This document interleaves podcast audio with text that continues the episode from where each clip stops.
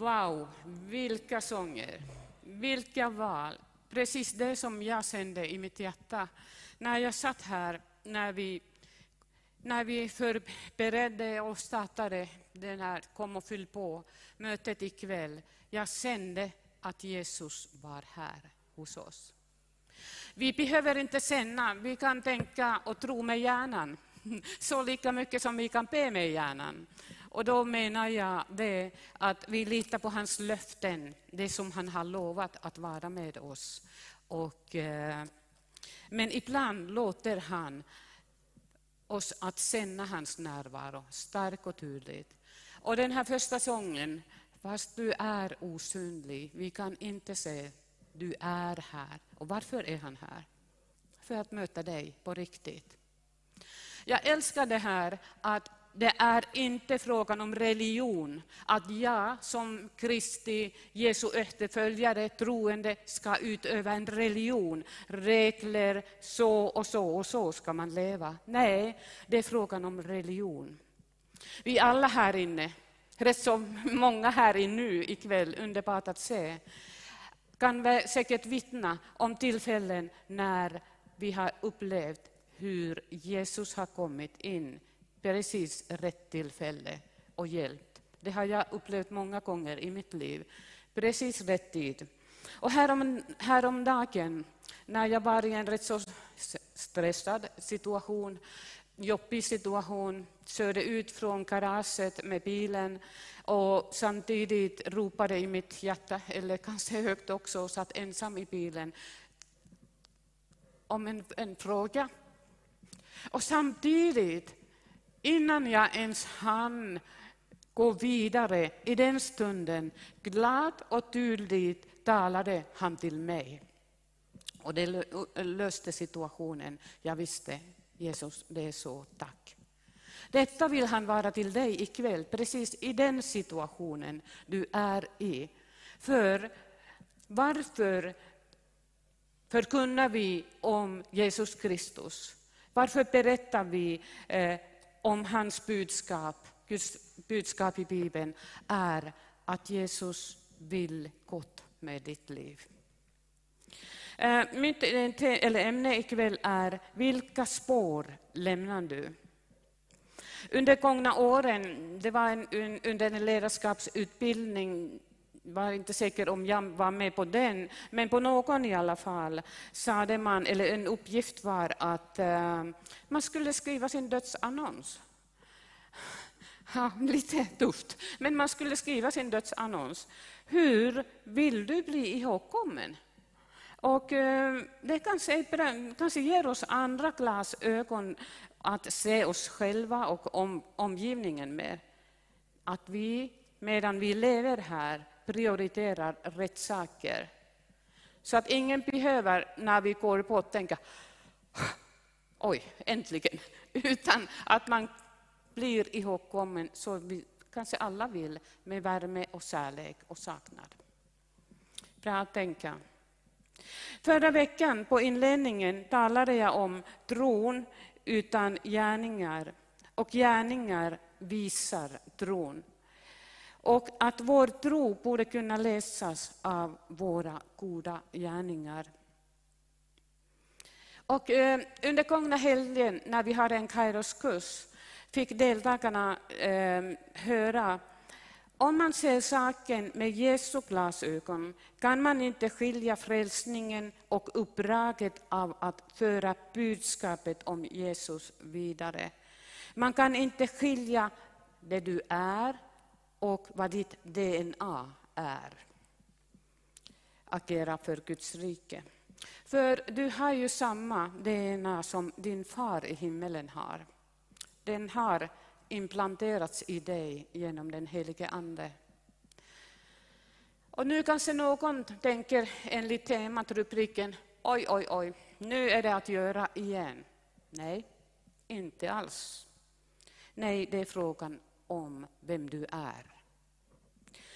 Eh, Johannesbrevet, första brevet 3 och eh, 2 framåt står det vilka vi är.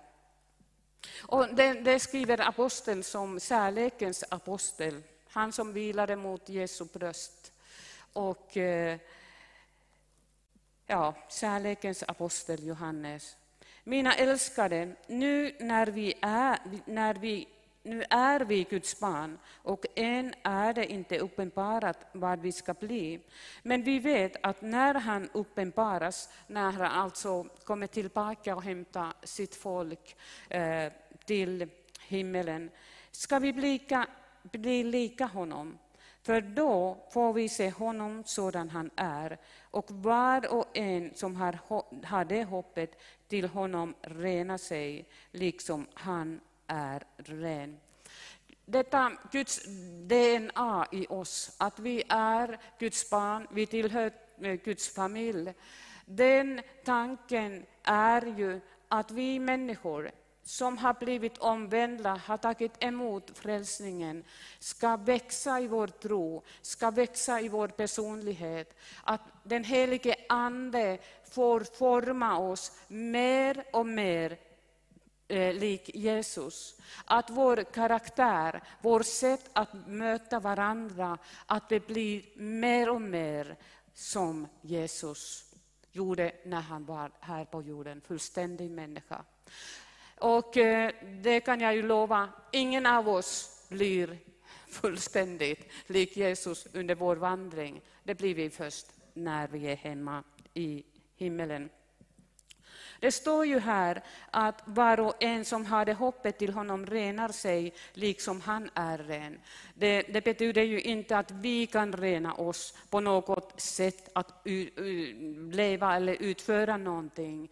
Det är den här processen genom den helige Ande eh, som verkar i oss. Eh, I Matteus brevet 16 eh, står det väldigt, väldigt radikalt vad Jesus säger. Det är ju alldeles, alldeles frivilligt att följa Jesus. Och jag älskar den här frivilligheten. Att han erbjuder på sin öppna hand, vill du följa mig? Och att vi erbjuder till människor, vill du följa Jesus? Vill du ta emot det oerhörda rikedom och nåd och kärlek som han erbjuder? Men det är alltid frivilligt personen. Det är ett så stort ansvar för personen, ja eller nej. Men Jesus säger till sina lärjungar, om någon vill följa mig ska han förneka sig själv och ta sitt kors och följa mig. Den som vill rädda sitt liv ska mista det, men den som mister sitt liv för min skull ska vinna det. För vad hjälper det en människa om hon vinner hela världen men förlora sin själ? Eller vad kan en människa ge till lösen för sin själ? Man kanske ofta överväger och tänker, vi är ju människor, vi är individualister i Sverige, självgående, självtänkande. Vi vill, vi vill ta våra egna beslut, vad som gäller våra liv. Det vet vi ju. Men när han skriver, säger så här, för vad hjälper det en människa om hon vinner hela världen men förlorar sin själ? Jesus är radikal. Han älskar oss. Han tvingar oss inte. Han erbjuder alldeles rikedom, närhet, hjälp eh, som bara han kan ge. Mening med livet, framtid, hopp. Hjälp i svåra situationer, i sjukdom, eh, konkurser, svårigheter på jobbet. Name it, vad som helst som ingår i våra liv. Han är och vill vara med där och hjälpa.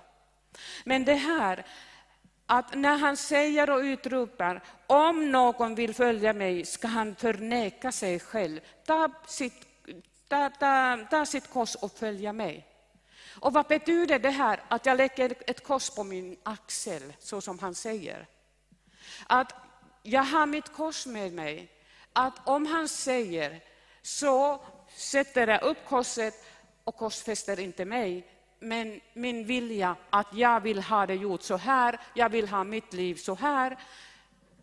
Och säger nej, Jesus, jag korsfäster mina tankar, jag följer dig. Varför det? Varför är det viktigt? Han är lite visare än jag och du. Och han är lite duktigare än du och jag. Han ser framtiden som vi inte ser. Vi vet inte ens minut framöver. Och då är det den riktiga frågan. Om vi som Guds barn, Guds DNA i oss, hans tanke för världen, för människor, är vi beredda att korsfästa våra planer, vår karriär, vår tid, vår ekonomi, vår fritid, det som vi vill göra och att vi vill bara leva för oss själva för att ha ett behagligt, underbart, tillfredsställt liv. Det är egentligen det han frågar. Vågar du lita på mig? Vågar du tro att jag vet vad som är bättre för dig eller vill du bestämma själv? Det är två möjliga val. Vill du bestämma själv eller vågar du lita på mig? Och jag lovar att om man vågar lita på honom, då går det bäst. För vad, vad, vad hjälper det om vi vinner? Wow, under, underbart liv. Hur, villa, hund, bil, massor med fritidsaktiviteter, massor med utlandsresor, massor med vänner och fester. Inte nu coronatid, men sen när det är över. Ni förstår vad jag menar. Kan du prioritera min tanke för ditt liv? frågar Jesus. Och de här underbara paradoxerna i Bibeln. När du förlorar ditt liv så vinner du det. Men så är det. Du förlorar ditt liv på det sättet att du säger okej okay, Jesus, jag följer dig. Och då vinner du. Jag lovar det. Och många med mig kan säkert lova det. Av egen erfarenhet. Eh, Lukas evangeliet 6.31. Och det här är också en sån upplevelse som, som som, som eh, eh, jag upp, har upplevt tillsammans med, med Jesus. Verkligen, jag läste i ett annat sammanhang, eh, jag förberedde eller läste, studerade Bibeln, förberedde någonting. Och eh, bara öppnade okej okay, och läste det här. Och sen pang! Då var det här. Och jag visste, jag har inte en chans att värja mig. Eh, det här är Guds DNA. Det här är Guds DNA. Lyssna nu. Så om ni vill att människorna ska göra så om, eh, så om ni vill att människorna ska göra mot er, så ska ni göra mot dem. Om ni älskar dem som älskar er, ska ni ha tack för det. Även syndare älskar dem som visar dem kärlek. Och om ni gör gott mot dem som gör gott mot er, ska ni ha tack för det. Även syndare gör samma sak. Och om ni lånar ut till dem som ni hoppas ska ge tillbaka, ska ni ha tack för det. Även syndare lånar ut till syndare för att få lika tillbaka. Det här är ju mänskligt DNA, eller hur? Så här gör man ju. Men lyssna här nu, vad är Guds DNA? Nej, älska era fiender och gör gott och låna ut utan att hoppas få något igen. Då ska er lön bli stor och ni ska bli den högstes barn, för han är god mot de otacksamma och onda. Var barmhärtiga så som er far är barmhärtig. Han förväntar sig det här av oss. Men när jag läste det här, jag var i en situation och jag tänkte, jag har, nej, jag, ska, jag behöver inte göra något mer. Det är okej. Okay. Och jag resonerade och tyckte att nej, jag behöver inte göra något mer i den här situationen. Och sen utan att jag hade lämnat den saken som jag hade krubblat lite och tänkt på och kanske sagt till Gud någonting om det där, och jag lämnade bort det. Det var borta lugnt. Jag behöver inte göra någonting. Och sen när jag läser det här, helt i ett annat sammanhang, sammanhang pang! Jag hade inte en chans. Jag visste, du ska göra det som jag hade tänkt. Det är Guds DNA. Och om vi höjer oss upp över det som jag läste först på mänsklig nivå, att vi visar kärlek för dem, våra vänner, närmaste, om vi börjar älska våra fiender, de som hånar oss för att vi är troende, de som kanske ser ner på oss. Eller är på något annat sätt sånt som man, ja, våra fiender. När vi börjar älska dem, visa den kärleken som Jesus leder oss att visa och agera i gärningar. När ditt fiende är din granne, väldigt elak och väldigt bestämd och besvärlig, du vill inte ha någonting med honom eller henne att göra. Men när den, hon ligger ensam hemma och är sjuk, då fixar du jätte, jättegod soppa, ringer på dörren, här, varsågod, jag vill hjälpa dig. Då fungerar Guds DNA i dig.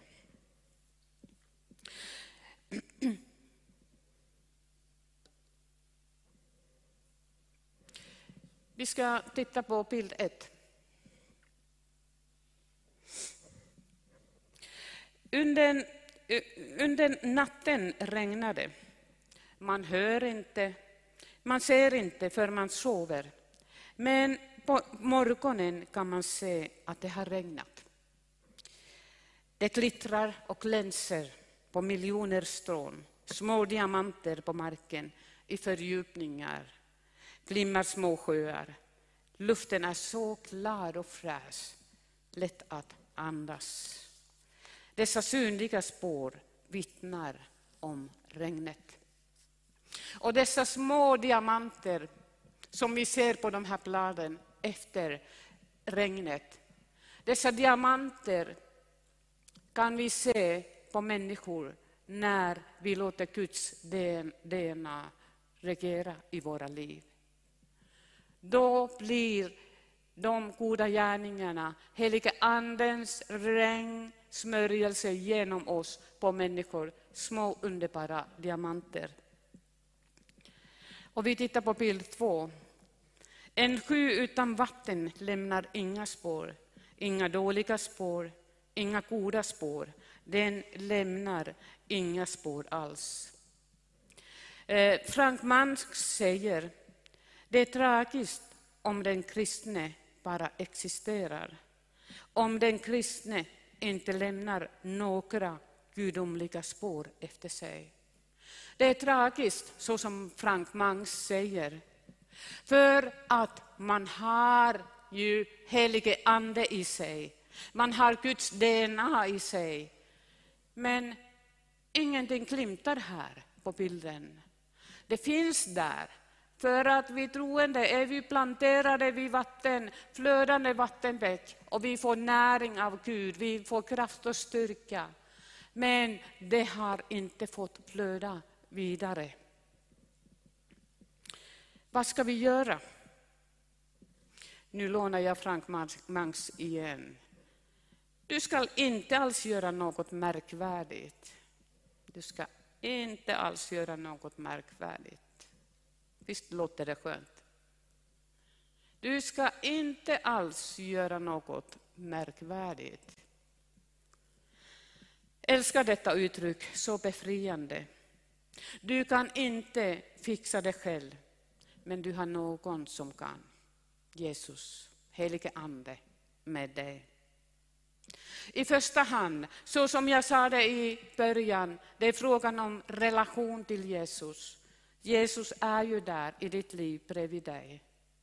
Säg ärligt, försök inte dölja för att det är lönlöst, han vet allt om dig, mer än vad du själv vet. Berätta situationen. Jesus, jag behöver hjälp. Och han hjälper dig. Till det här att vi kan titta på bilden ett igen.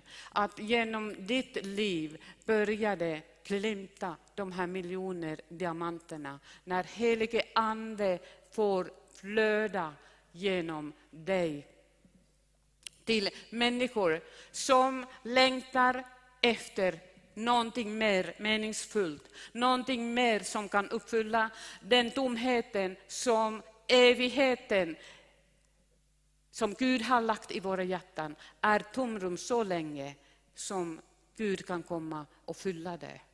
Det finns tusentals människor i den här staden som lider i mörkret och som behöver de här diamanterna på de här bladen för, i sitt liv och sin själ. Stilla dig inför Jesus, prata om ditt liv och lyssna. Inte bara prata, lyssna vad han säger till dig. Och han den goda herden, psalm 23, han leder dig på rätta vägar. Och det här underbara är det ju att vi inte behöver fixa program, program, så, så, så, så ska vi göra. Gå till Jesus, tala, lyssna, lyd. Det är så enkelt. För att han har en underbar privat väg, eller eh, personlig väg till var och en. Dagen, den största högtiden, i högtiden stod Jesus och ropade om någon är törstig, kom till mig och drick. Den som tror på mig, som skriften säger, ur hans innersta ska drömmar av levande vatten flyta fram. Detta sade han om anden som de skulle få som trodde på honom. Tänk, i ditt inre finns ett flöde. Du får först av Jesus att dricka och sen får du helige Ande i ditt liv. Och detta, kan vi ta den här första bilden igen? Så att detta flöde som finns i dig eh, genom den helige Ande, den kommer ut med kraft, ledning, vittnesbörd om Jesus. Heliga Ande har gett oss att vi kan vittna om Jesus, berätta om Jesus. Och tänk att han vill agera genom dig. Han vill bota sjuka genom dig. Han vill befria från mörka makter, andemakter, människor genom dig.